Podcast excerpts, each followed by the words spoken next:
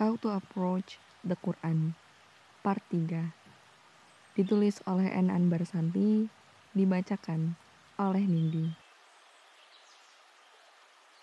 Modifikasilah cara berpikir kita. Lalu pahamilah dunia sekitar kita dengan cara berpikir yang baru tersebut. Ini akan menjadi perubahan yang besar dalam hidup. Kita akan membahas ini lebih detail lagi pada bahasan kata demi kata dan ayat demi ayat dalam surat Al-Kahfi. Jalan menuju petunjuk di dalam Al-Quran adalah bahwa Al-Quran menggambarkan realita dengan cara yang berbeda dengan cara berpikir kita yang sebelumnya. Kita bisa saja memandang sebuah kejadian dengan pendapat tertentu, namun setelah mempelajari Al-Quran, kita bisa memiliki pendapat yang sangat berbeda atas kejadian yang sama.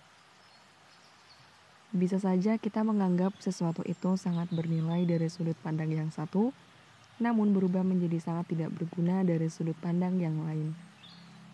Jadi, Al-Quran benar-benar mengubah persepsi kita dan mengubah cara berpikir kita tentang segala hal yang terjadi di sekitar kita.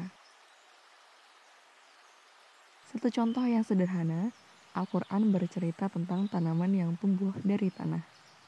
Walaupun Al-Quran tidak bercerita tentang tanaman, kita tentu sudah tahu bahwa tanaman itu ya pasti tumbuh dari tanah. Apa bedanya untuk kita? Al-Quran bercerita tentang tanaman atau tidak? Al-Quran mengatakan, setiap kali kita lupa terhadap akhirat, ingatlah bagaimana tanaman tumbuh dari tanah. Nah, jadi tanaman itu jelas tumbuh dari tanah. Tapi berdasarkan Al-Quran, Tanaman tersebut mengingatkan kita tentang akhirat atau yaumul hisab. Kok bisa? Dari mana? Apa hubungannya tanaman yang tumbuh dari tanah dengan yaumul hisab? Ya, kehidupan setelah kematian. Setelah kita mati, kita akan berada di bawah tanah. Tubuh kita akan hancur menjadi sesuatu yang ukurannya atau fungsinya mirip dengan benih-benih.